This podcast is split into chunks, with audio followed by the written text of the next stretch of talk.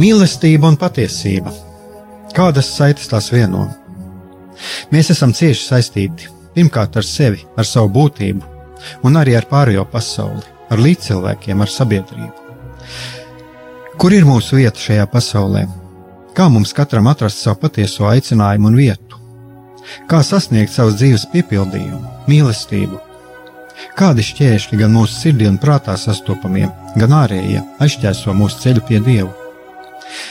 Šie jautājumi ir mūsu dzīves sastāvdaļa, svarīgi mūsu ceļā uz svētumu. Meklēsim šajā raidījumā kopā atbildes uz šiem jautājumiem. Ieklausīsimies, ko Dievs mums vēlas pateikt ar visu, ko sastopam savā dzīvē.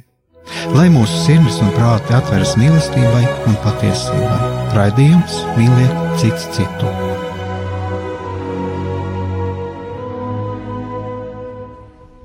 Lai top slavēts Jēzus Kristus, esiet sveicināti, darbie radioklausītāji!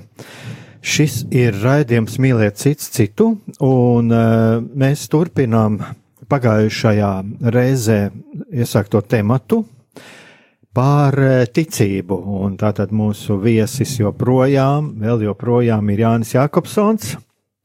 Un es domāju, ka šis laiks ir tieši tāds īpaši piemērots šim tematam, kas ir saistīts ar ticību, jo, ja mēs atceramies, kas notika Latvijā pirms 101 gada, kas notika pirms simts gadiem, mēs arī, kas tikko, tikko tika atzīmēta gan Latvijas 101 gada jubileja, gan pirms, nu, jau vairāk kā nedēļas Latvijas diena, tad Es domāju, ka šeit mēs arī varam atskatīties uz to pagātni, kur eh, ļoti liela nozīme bija ticībai.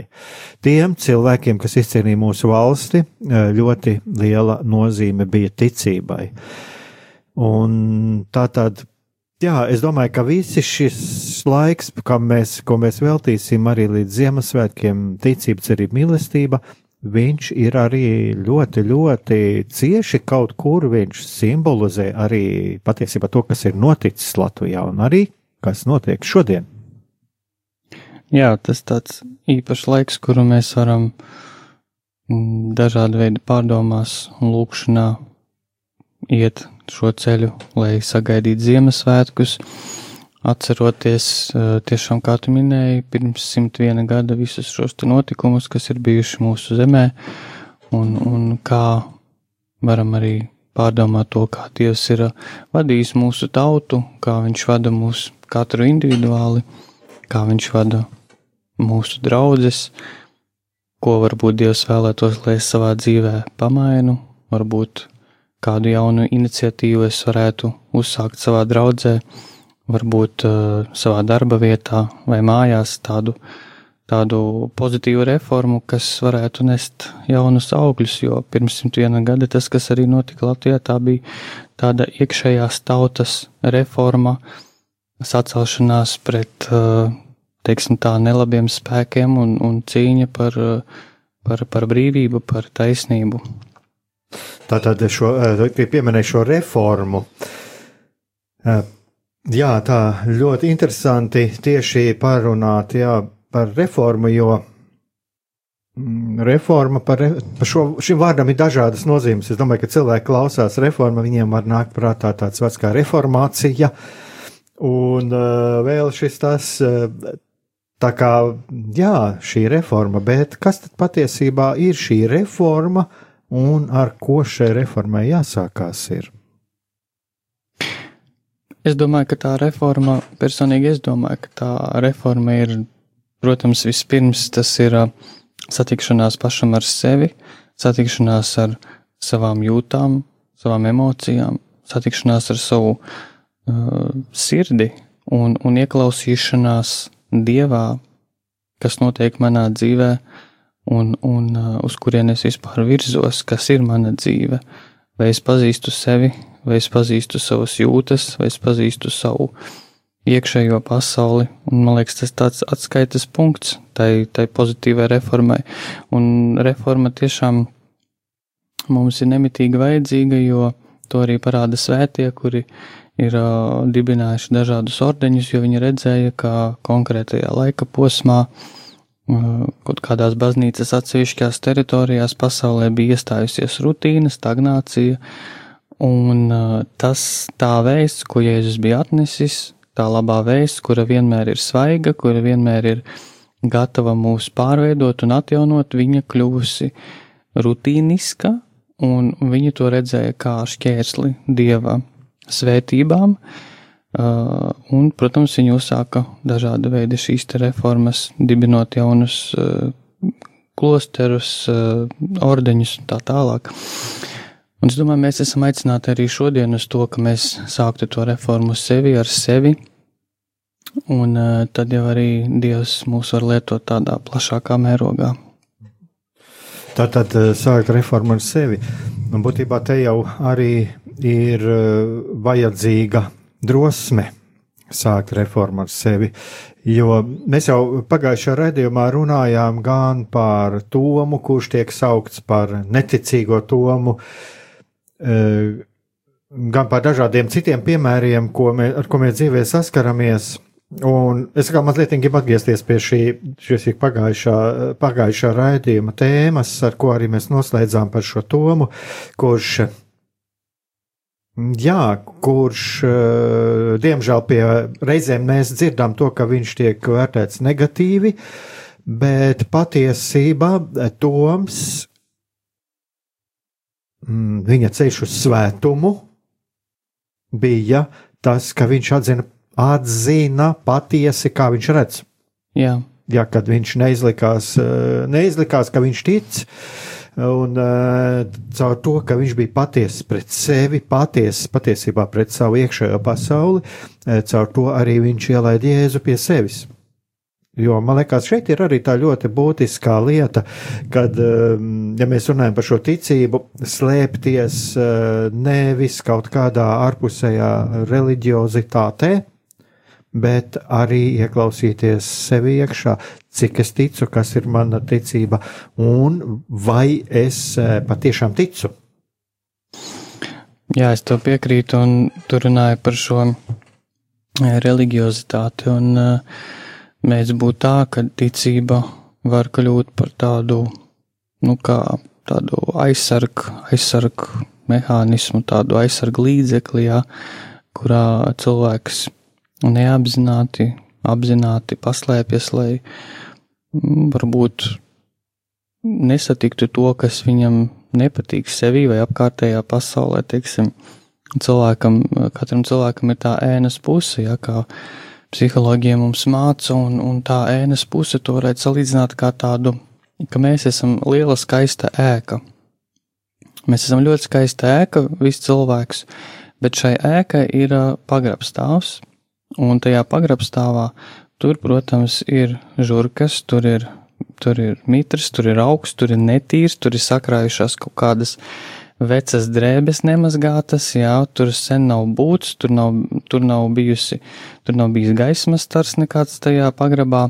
Un skaidrs, ka nevienam uz to pagrabu iet negribās. Bet tas pagrabs tā ir mūsu tā ēnas puse, tas ir tas, kas ir mūsu zemapziņā.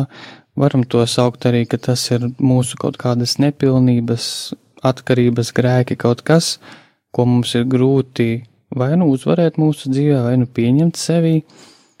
Un Dievs mūs aicina paņemt atslēgas un nokāpt tādā pagrabstāvā.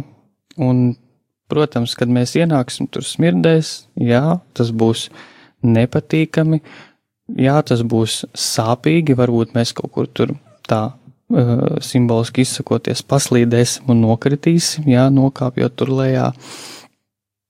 Tas noteikti nebūs viegls process, bet uh, tas ir tas, uz ko mūs iesaicina, ka mēs iepazīstam patiesību, ka, ka mēs atzīstam uh, lietas, tās, kas mūsu dzīvē notiek, un tādā veidā ar šo te atzīšanu un ticību tam, ka Dieva dēls ir spējīgs mainīt mani, uh, tad arī notiek šīs te pārmaiņas. Bet tas ir ļoti svarīgi, ka mēs apzināmies, ka Mums ir šis te pagrabstāvs, un, un tās lietas, viņas nevar atstāt vienkārši novārtā. Ja mēs uzskatām, ka mēs ticam Dievam, Tātad mūsu ticība, viņa ir dzīva, vai viņai ir jābūt dzīvai, un viņa ir spējīga mūs tiešām mainīt.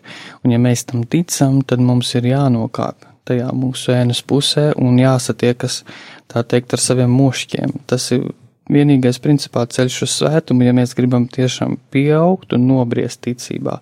Jo var gadiem uh, dzīvot ticībā, nemaz neejot tādā patiesā dziļumā un, un palikt tādā virspusējā līmenī, uh, ko es jā, ko es uh, nevienam no mums noteikti nenovēlu.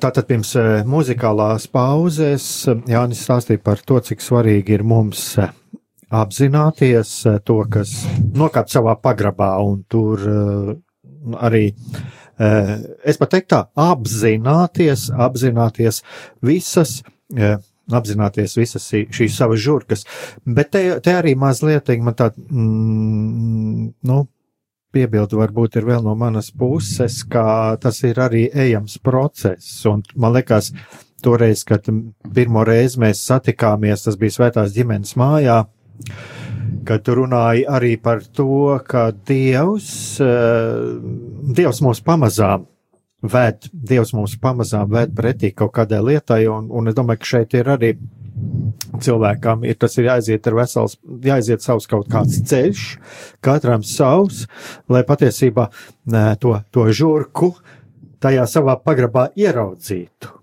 Jā, jo, nu, var gadīties tā, ka cilvēkam ir viņš pat kaut kāds mirklis. Mm, es tā, kā es pa garīgo ceļu saku, mēs esam katrs savā ceļa posmā, un tam cilvēkam vispirms ir jābūt, jākļūst gatavam to žurku ieraudzīt un pieņemt šo situāciju. Jā, tā noteikti ir. Jo,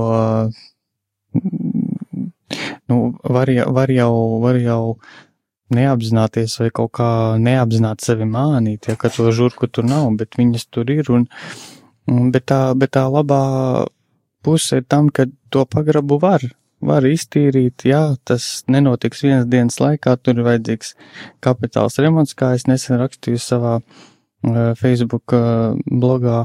Tur vajag kapitāla remontu, bet viņš ir iespējams. Var uztaisīt labu remontu, izveidot telpas, uh, protams, tā metaforiski izsakoties, ja, ka mēs varam sevi pārveidot un tiešām svarīgi saprast, tā kā tu saki, ka tas ir uh, laika ietilpīgs process. Mēs nevaram vienā dienā tikt vaļā no tā, ko mēs esam sevi iesējuši gadu gadiem un ko mēs esam, nu, sevi, jā, tiešām iesējuši. Tas, tas, tas ir process, tam ir vajadzīgs laiks un vajag pacietību, pacietību pret sevi, jābūt mīlošam arī pret sevi, jo bez mīlestības pret sevi tas būs e, dubult grūti. Ir svarīgi, mm, nesen bija kāds seminārs mm, e, vecrīgā, kur viena psiholoģija stāstīja par to, vai paškritika mums palīdz sasniegt mērķus. Un tā viņas atbilde bija, ka nē, nepalīdz, ka efektīvāks veids ir, ja mēs esam pret sevi uh, labsirdīgi, mīloši, un ja mēs mākam uh, izjust tādu līdzjūtību pret sevi. Un, un šis ir tas nosacījums, ja mēs gribam tiešām labas, vērtīgas pārmaiņas, mums ir jābūt pret sevi labiem, mums ir uh, sevi, var teikt, pat uh, jāžēlo kaut kādos brīžos, un, un, un jāsaka, ka es lepojos ar sevi, es lepojos, ka kaut vai pa katru mazu solīti, ko es daru, es lepojos par sevi, jo Dievs par mani lepojas. Dievs nestāv man blakus ar pātagu un nesaka, ka man vienas dienas laikā ir pilnīgi jā, jāmaina visa sava līdzinējā dzīve, ko es esmu līdz šim darījis, jo tas, tas nav iespējams. Ko mēs gadiem iesējam sevi, tam ir vajadzīgs laiks. Tas nenozīmē, ka mums ir jāgrēko, bet tas nozīmē, ka mums ir ar pacietību, jāpieņem to, ka šis ceļš būs laikietilpīgs. Jā, tātad jā, šis ceļš būs laikietilpīgs. Es esmu šeit jau mm, kādā raidījumā pirms kāda, pirms kāda gada par to runājis, mm, par to, cik ļoti svarīgs ir e, mūsu dzīves piemērs. Un e, šeit es nerunāju tikai par to pozitīvo, par sasniegumiem, ja, jo, diemžēl, mums, eh, mēs bieži vien saskaramies ar to, ka gan mēdījos, gan visur ir redzams šī spožā puse, bet eh, arī tie mūsu paklupieni. Un kaut kā, vismaz mana tā pieredze ir tāda, ka arī, kas attiecās uz svētajiem, bieži vien um, vairāk tiek parādīti šie, šie svētie šajā savā, nu, teiksim, svētuma triumfā, uh, savā mm, jau kad savā svētuma, mm, jā, šajā triumfālajā ceļā, varbūt pat arī savās ciešanās, kā viņi pārdzīvo un kā viņi iet pretim svētumam. Bet uh, problemātiski ir tās, ka bieži vien cilvēki, nu vismaz es tā no savas pieredzes, pieredzes ko es zinu, eh, runājot ar cilvēkiem un, un ko es tā redzu, ka ir vajadzīgs parādīt šo svētumu, ceļu svētumu visā pilnībā. Eh, man ir, tāpēc man ir ļoti labs piemērs ir apustuls Pāvils. Viens no labākajiem piemēriem. Un es biju pirms, eh, es nezinu, es pagājušā raidījumā par to runāju, es biju vienā pasākumā, kur runāja par, par fanātismu, kas ir fanātisms, kā viņu atpazīt un tā. Man liekas, vislabākais piemērs ir Pāvils. Kurš vislabākais kalpotājs varēja būt tajā viņa garīgā ceļa sākumā, es pat teikšu. Jā. Un viņš atbilstoši tā laika tradīcijai, likumam, tai tradīcijai, kas bija pieņemta, darbojās. Un tad nāca žēlastība. Un, ja mēs paskatāmies tālāk, ko apustulis Pāvils rakstīja šo dziļo pazemību, ko viņš rakstīja par, nu, kur mēs redzam, kas iekšā, kas viņa tie kārdinājumi, kad viņš dara to, ko Negrib. negrib, jā, un ko grib, to nedara, tā tālāk, jā. Viņš rakstīja par šo dzeloni. Uh, un es domāju, ka šeit cilvēkiem ir arī ļoti svarīgi, tā, ka mēs runājam par šīm žurkām, ja? ka mums ir ļoti svarīgi saprast, ka cilvēks, nu, cilvēks ir dzimis ar šo žurku, un uh, katram tā sava žurka ir sava, un tā kā savā laikā katru runāja par tām mutīm, kurš liedzās, tam ir divas utis patiesībā, ja? Tad šeit varētu pārfrāzēt, ka katram žurka, katram sava žurka, kurš liedzās, tam ir divas, un varbūt pat citam ir vesels ganāmpulks, ja? Un, uh, Kāpēc es par to runāju? Kāpēc? Tāpēc, ka man ir arī tāds ļoti labs piemērs, ir, eh, kā darīja Pēters eh, Lūkas evaņģēlijam. Jā. Tā, tā, tā, tā tuliņās paskatīšos, Sīmanis Pēteris krita Jēzum pie kājām un sacīja, kungs aizēja no manis, jo es esmu grēcīgs cilvēks. Bet eh, kas ir zīmīgi Lūkas evaņģēlijā, kad šeit mēs atrodam, kas notika pirms tam?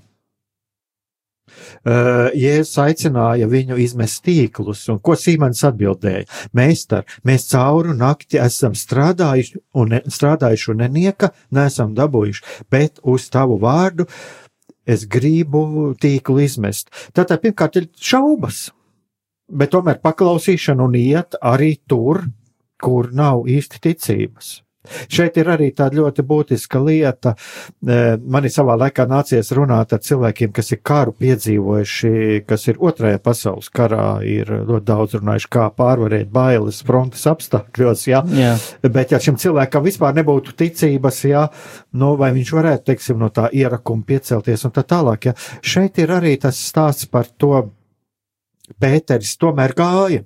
Un tad, kad viņš redzēja šos pilnos tīklus, kas bija kaut kas, kas, nu, ne, bija neatbilstoši viņa, gā... viņš nobijās no tam dievu žēlstībām, bet ko viņš darīja? Viņš te, kungs aizēja no manis, jo es esmu grēcīgs cilvēks. viņš bija godīgs tajā brīdī. Jā, viņš bija godīgs. Atkal, atkal šeit mēs redzam šo godīgumu.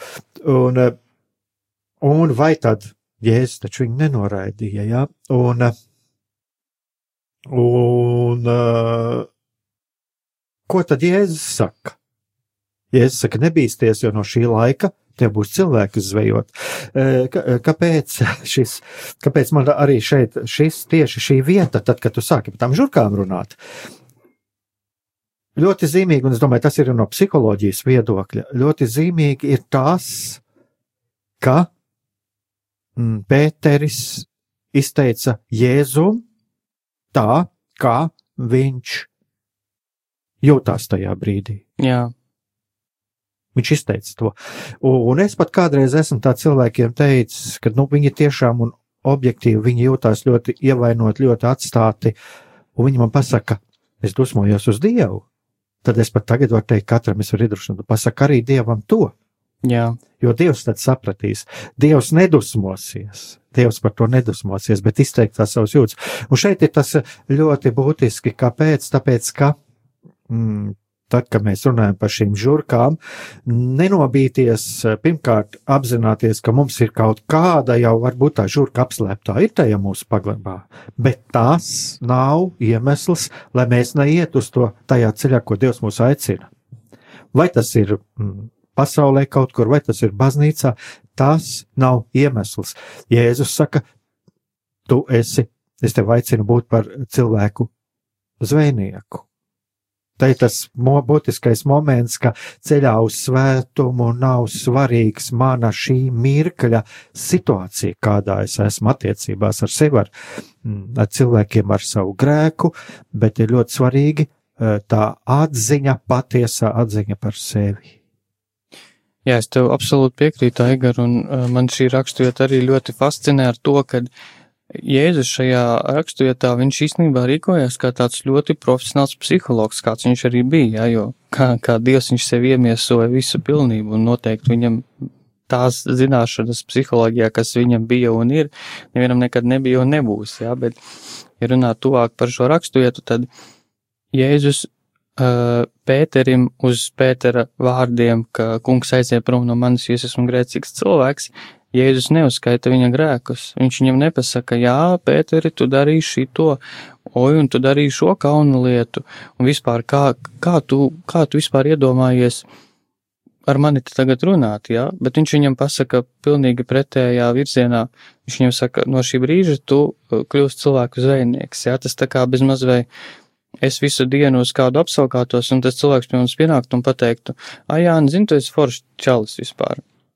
Un tā, un man ļoti patīk šī jēzus pieeja, ka viņš redz daudz dziļāk, ka viņš redz, ka uh, šajā gadījumā, ja Pēteris saka, ka kungs, es esmu grēcīgs cilvēks, Jēzus saprot, ka pirmkārt Pēteris ir atklāts. Un īstenībā es domāju, ka šis Pētera atklātums un tāds savā ziņā tāds, tāds karstasinīgums, ja, ka viņš tiešām uzvedās tā, kā viņš jutās, viņš neslēpa kaut ko no Jēzus. Viņš teica tā, kā viņš, viņam teica, Jēzus nāc pie manis pa ūdeni, jā, viņš gāja, viņš vienkārši, viņš bija tāds īsts, un man liekas, šis bija tāds priekšnoteikums tam, ka Pēters bija pirmais pāvests, ka Jēzus zināja, ka viņš var šim neizglītotam uh, zvejniekam uzticēt uh, debesu valstības atslēgas.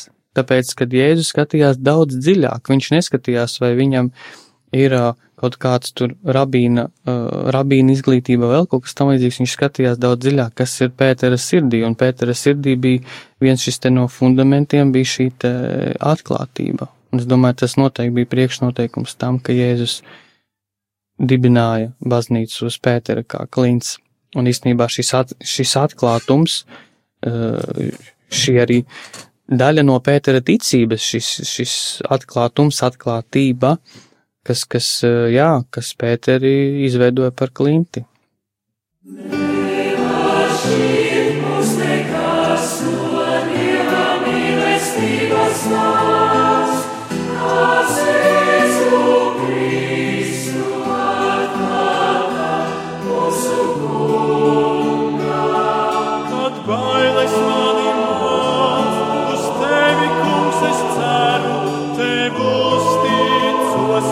Kristus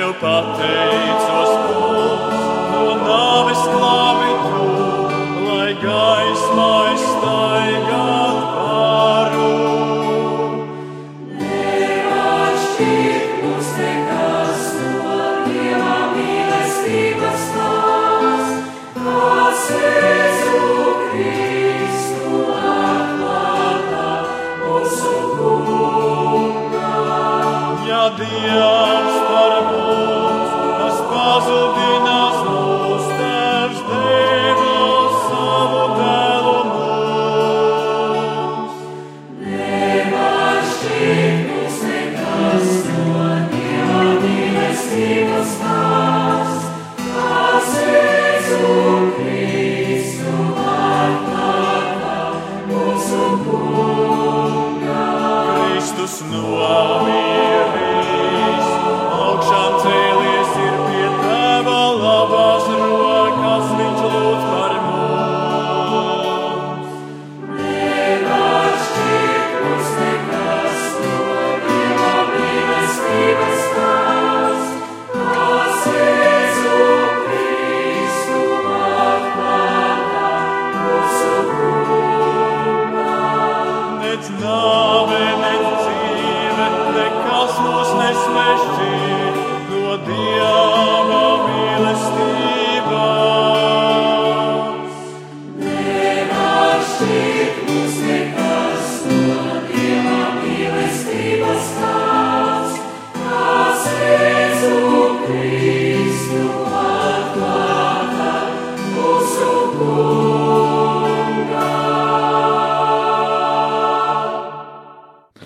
Darbie radio klausītāji, šis ir raidījums Mīliet cits citu. Studijā esmu es Aigars Brikmanis un mēs uh, joprojām esam kopā ar Jāni Jakobsonu.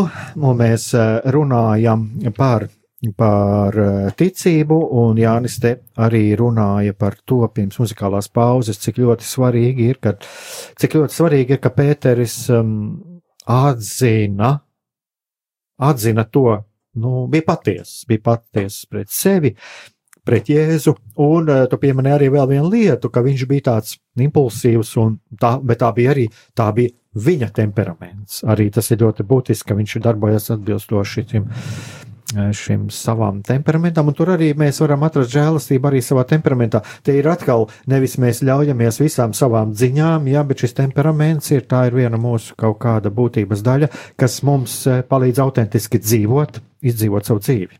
Tu man piekritīsi? Jā, to ir uh, vienkārši jāatrod veids, kā to integrēt mūsu garīgajā dzīvē.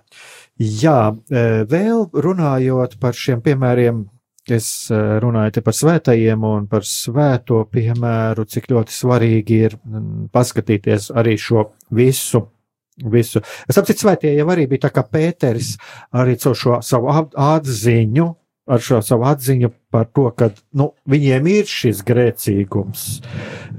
Tas arī bija ceļš uz svētumu, bet tas bija tā, tāda, tāda atziņa, kas nedzēna izmisumā, bet, kā tu teici, pateicība Dievam par sevi, ir, un, jā, es teikšu, pašcieņa. Mēs kādreiz varbūt varam parunāt par to, ko nozīmē pašcieņa un pazemība. Jā. Arī, kur bieži vien tiek jaukts. Bet, eh, bet, ko es gribēju atgriezties pie šiem svētajiem, mūsu ceļš uz svētumu ir jau arī ļoti nozīmīgi, ļoti svarīgi. Eh, es atzīstu tās savas žurkas, nu kaut kā man šī līdzība par tām žurkām, ja es atzīstu tātad savu vājumu. Uh, Un arī mana personīgā dzīves liecība, kā es esmu tam izgājis cauri un eh, kā es esmu ticis galā ar to, tam savām problēmām. Viņi arī kādreiz ir palīdzējuši, piemēram, eh, tāpat ir gatavojot pāris laulībām, kā, kā, kā tur arī daudz, kas balstās uz liecību. Tad, kad uh, cilvēki aiziet vai uz laulāto alfu vai uz tiem laulāto tikšanās um, nodarbībām, eh, tur, kur ir gatavo laulībām, sadarinātie jau vai pēc tālāk, eh, kas notiek ar laulātajiem, tur ir arī ļoti liela nozīme šai personīgajai liecībai, un mana personīgā dzīves liecība. Katreiz, kad pat cilvēks stāsta par savu garīgo kaut kādu problēmu, viņam ir arī, es domāju, labi ir pateikt, nu, neuztraucies, arī es esmu kaut ko līdzīgu gājis cauri. Un šis ir tas moments, kur mēs to, eh, tas, kas mūsu dzīvē ir noticis, kas šķietam pat ir negatīvs, mēs viņu varam pārvērst par par pozitīvo piemēru, un kur mēs caur to varam palīdzēt cilvēkam. Cilvēks nejūtās vientuļš, ja viņš redz, eh, ja viņš redz, ka mm, arī man ir šī problēma, arī šim citam cilvēkam, viņš arī kaut kam ir gājis cauri, arī viņam ir nācies paklupt, bet viņš ir tomēr piecēlies. Arī šis svētais ir paklupts, viņš tomēr ir piecēlies. Tas dod cilvēkam cerību. Tas dod viņam cerību, uh, Un uh, viņam sāka, es domāju, ka arī veidoties tāds labāks priekšstats par sevi, un viņš arī tā tad vairāk, tas arī palīdz viņiem ieklausīties sevi. Mm, jā, un es vēlējos arī pieminēt par tādu momentu, kā, kādā veidā mēs varētu sevi pasargāt no tā, lai šī ticība nekļūst tāda savā ziņā destruktīva, ka ir ļoti svarīgi neatdalīt mūsu ticību dievam, mūsu kristīgo ticību neatdalīt no pārējām ikdienas lietām. Teiksim, ja cilvēkam ir kaut kādas psiholoģiskas problēmas, viņam ir liela trauksme, iekšējā spriedze, varbūt viņam ir kāds no neirotiskiem traucējumiem, teiksim, viņam ir obsesīva kompulsīvā traucējuma, šīs uzmācošās domas, kuras pavada sevi šaustīšanu un visāda veida rituāli. Un cilvēkam varētu likties, ka man ir, man ir ticība dievam, bet, teiksim, nereti kā gadās, ja kristietim ir šīs obsesīva kompulsīvās domas, tad, tad viņš bieži izsaka sevi kaut kādas neadekvātas, teiksim, frāzes, kaut kādas ļaunas, viņam liekas grēcīgas domas, Viņas tiešām tie, tie vārdi ir slikti, ja, ko tas cilvēks var teikt, bet uh, viņš negrēko, jo tas ir, tur, tur ir psiho, psiholoģisks traucējums un tur, tur ir vajadzīgs pamatīgs darbs, bet tas cilvēks viņu nevar pārliecināt par to, ka viņš negrēko. Viņš uzskata, ka viņš grēko un, teiksim, viņš varētu gribēt iet bieži uz grēksūdzi. Tas ir tāds uh, kārdinājums viņam, jā, es pat teiktu, uh, censties bieži iet uz grēksūdzi, lai uh, saņemtu grēku piedošanu par to, ko tu īstenībā nemaz neesi darījis. Un šeit ir liels briesmas, kā uh, mēdz būt cilvēkam tā, ka viņš emocionāli ir tik ļoti izslaukts un noguris, un viņam ir vajadzīga ļoti liela atpūta un atjaunošanās no šīs spriedzes, kas ir viņā, bet viņš uzskata, ka viņam par galvu, par matu tiesu ir jātiek uz grēksūdzi, un viņš aiziet uz grēksūdzi, viņam paliek vēl sliktāk emocionālā ziņā, jo viņš padara grēksūdzi šajā gadījumā par tādu papildus šaustīšanas rīku, jo tanī stāvoklī tas, kas viņam ir vajadzīgs, viņam ir vajadzīgs labs terapeits, vai psihologs, viņam ir vajadzīgs garīgs pavadītājs, un viņam vajag vienkārši pabūt laiku mierā, saprast, ka Dievs viņam nestāv šobrīd blakus tiešām ar kaut kādu, nezinu, tur rīku, ja, ka, ka tagad viņš viņu dzen ātrāk uz to grēku sūdz. Tas tā nav. Cilvēkam vajag emocionālu un garīgu atpūtu, viņam vajag palīdzēt izskaidrot, kas ar viņu šobrīd vispār notiek. Un tad, kad viņš emocionāli ir nomierinājies un nobriedis, es tā uzskatu, uh, tad viņš ir gatavs šai pilnvērtīgai grēksūdzei, jo viens jau tas fakts, ka cilvēks grib iet uz šo grēksūdzi, jau parāda to, ka viņš nožēlo. Un es domāju, šis te gadījums, ka cilvēkam ir šis psiholoģisks traucējums, tas ieskaitās pie tā, ka nu, viņš, viņš jau ir tādā nu, grēku nožēlas stāvoklī. Ja tas, ja mēs runājam par, par, par šo neirotisko traucējumu un ticību, ka ļoti svarīgi ir, ka ticība nekļūst destruktīva un ka mēs neatdalam tātad ticību gan no mūsu emocionālās pasaules, jā, ka bezmaz vai, nu, kāds sakars Dievam, gan manām emocijām. Jā, es, jā, man ir liela spriedze, bet man ir svarīgāk šodien, nezinu, tur nolūkties rožu kronī, jā nekā tik galā ar to, kas, kāpēc es vispār staigāju dusmīgs apkārt. Man svarīgāk palūkties rožakroni nekā tik galā ar savām dusmām. Vai arī kāds sakars Dievam gar manu laimi, jā, nu, Nē, Dievam nav sakara gar manu laimi. Kāds Dievam sakars gar manu intīmo dzīvi, tas vispār in, intīmais, tas kaut kas par kaut ko labāk mēs nerunāsim. Es gribu iet svētuma ceļu, jā. Bet cilvēks nu, tad, tad tādā gadījumā nesaprot, ka, ka seks pats par sevi ir svēts, jo viņu Dievs ir iedibinājis. Mēs lasām radīšanas grāmatā, tas ir viena no pirmām dāvanām, ko, ko Dievs cilvēcei ir uh, piešķīris, jā, seks. Tā kā ir ļoti svarīgi, ka mēs ticību tiešām nepadaram destruktīvu un saprotam, ka, nu jā, ka ir jāmāk, jāmāk integrēt viņu veselīgā veidā, gan ar mūsu psiholoģisko pasauli, gan ar mūsu mm, miesas dimensiju. Un, un, um, jā, mums ļoti svarīgi, ka mums ir šis te mūsu garīgais pavadītājs, un, ja ir nepieciešamība, tad arī psiholoģiskā palīdzība.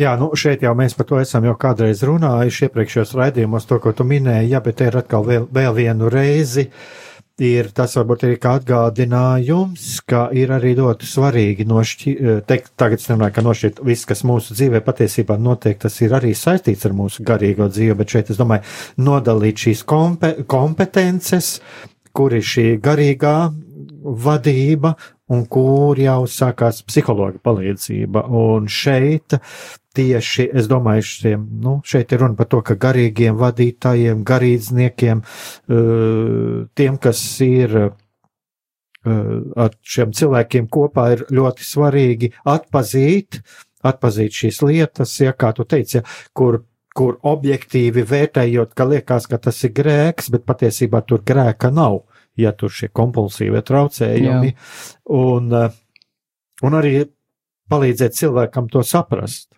palīdzēt saprast, lai viņš nebūtu izmisumā un, jā, un lai viņa šis, viņš neiet šo, šo destruktīvo ceļu.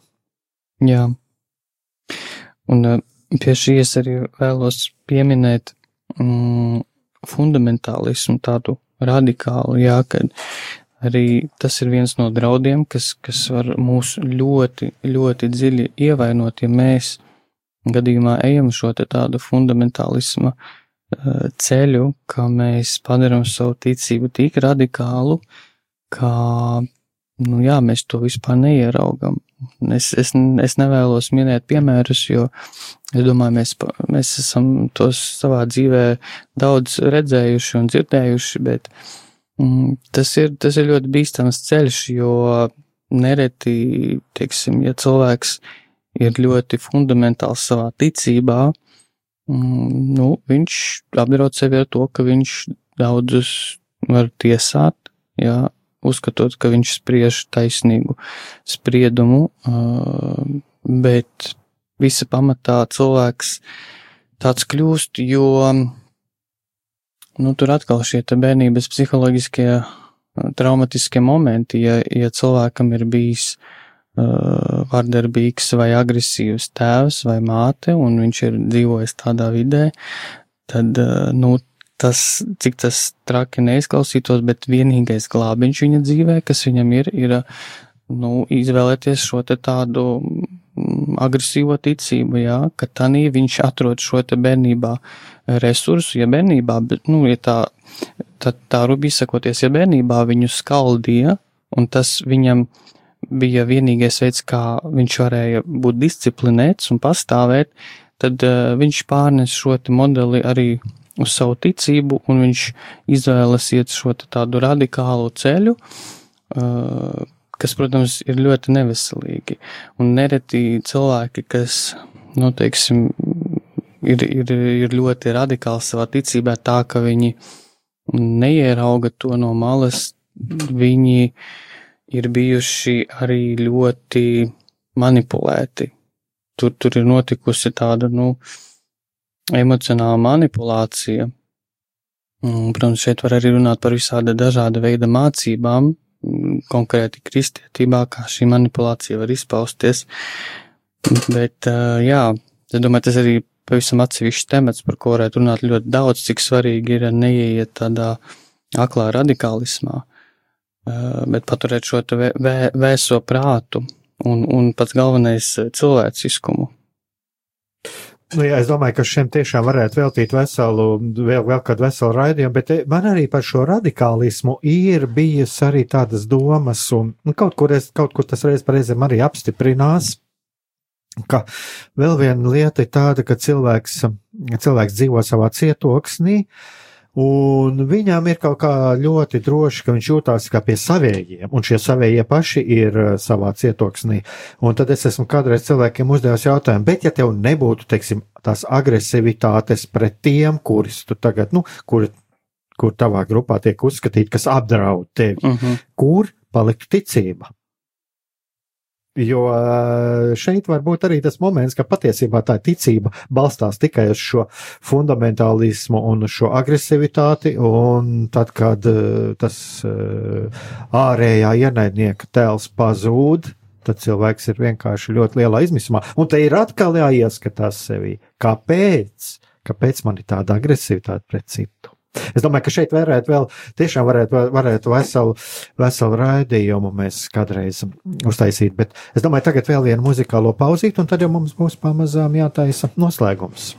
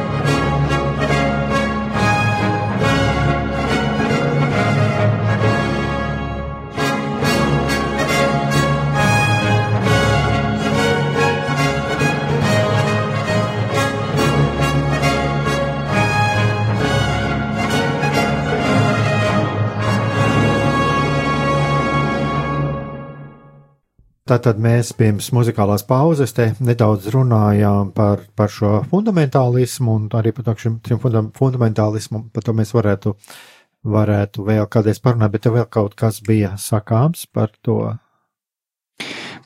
Jā, teiksim, mēdz būt tādi gadījumi, kur cilvēkam ļoti patīk un uzlādē tādas uh, svētrunas vai, vai sprediķi, kur cilvēks mm, varētu būt tas mācītājs vai sludinātājs, uh, varētu būt tāds, es teiktu, pat agresīvs, jā, un tāds ļoti norādošs, un cilvēkam patīk, ka, ka tas, tas, tas cilvēks bļauj.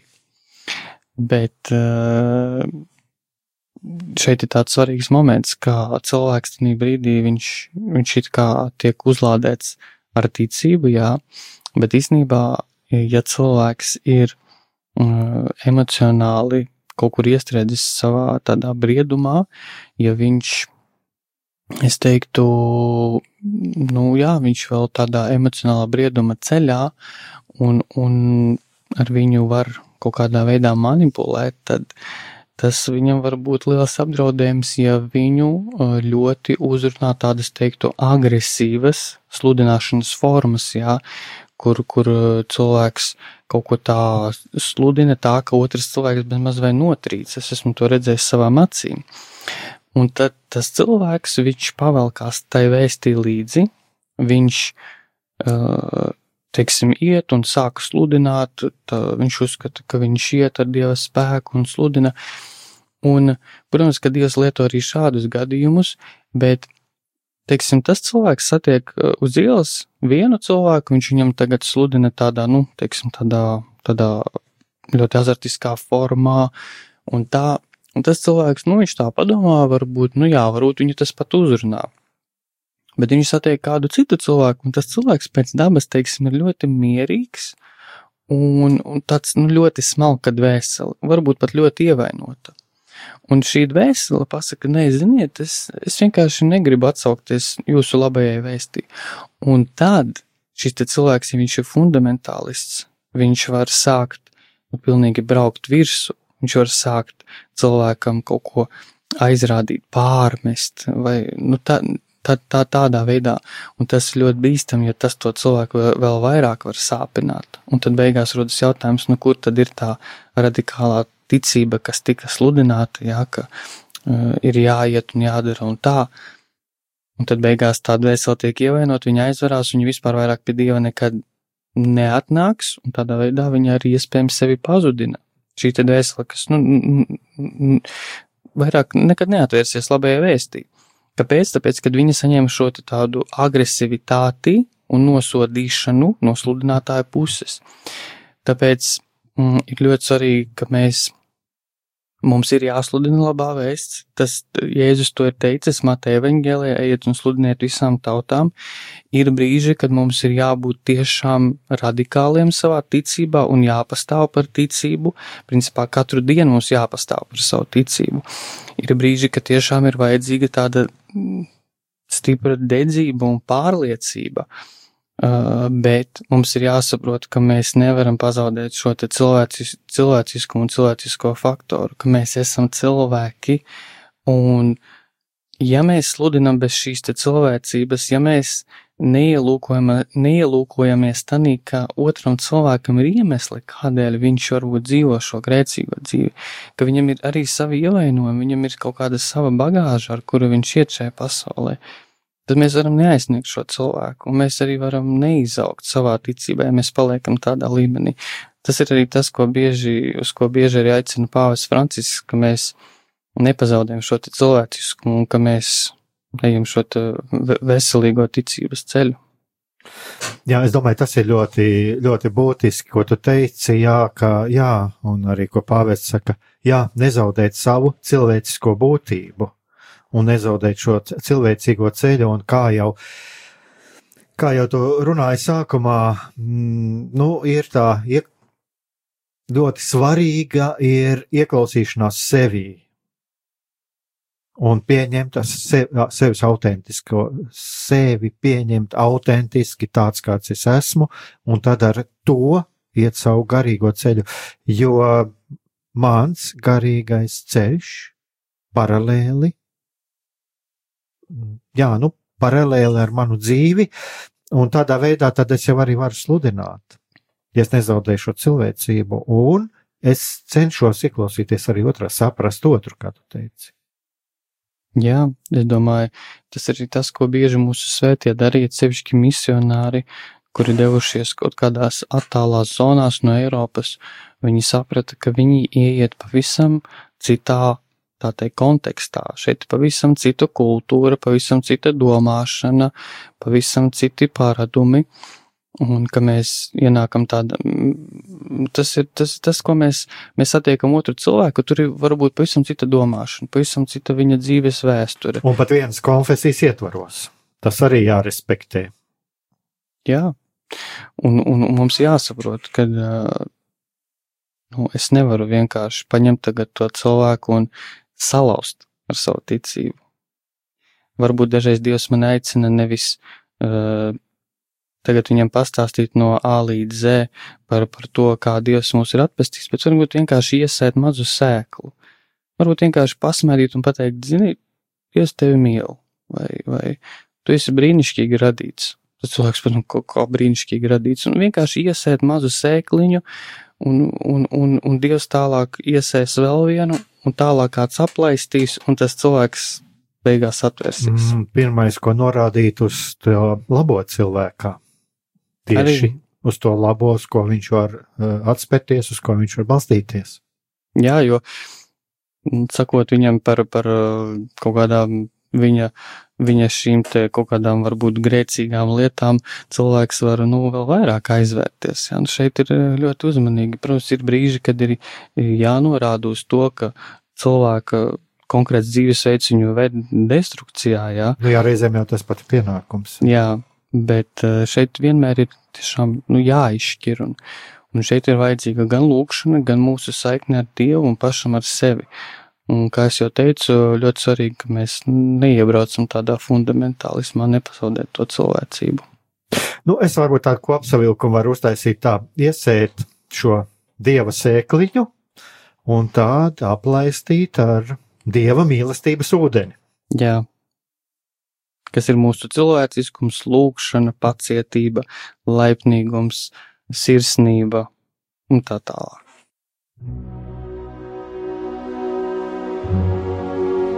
Mīlestība un patiesība. Kādas saites tās vieno? Mēs esam cieši saistīti pirmkārt ar sevi, ar savu būtību un arī ar pārējo pasauli ar līdzcilvēkiem, ar sabiedrību. Kur ir mūsu vieta šajā pasaulē? Kā mums katram atrast savu patieso aicinājumu un vietu? Kā sasniegt savas dzīves piepildījumu, mīlestību? Kādi šķēršļi gan mūsu sirdī un prātā sastopamie, gan ārējie aizķēso mūsu ceļu pie Dieva? Šie jautājumi ir mūsu dzīves sastāvdaļa, svarīgi mūsu ceļā uz svētumu. Meklēsim šajā raidījumā kopā atbildes uz šiem jautājumiem. Ieklausīsimies, ko Dievs mums vēlas pateikt ar visu, ko sastopam savā dzīvē. Lai mūsu sirds un prāti atveras mīlestībai un patiesībai, raidījums mīliet citu citu.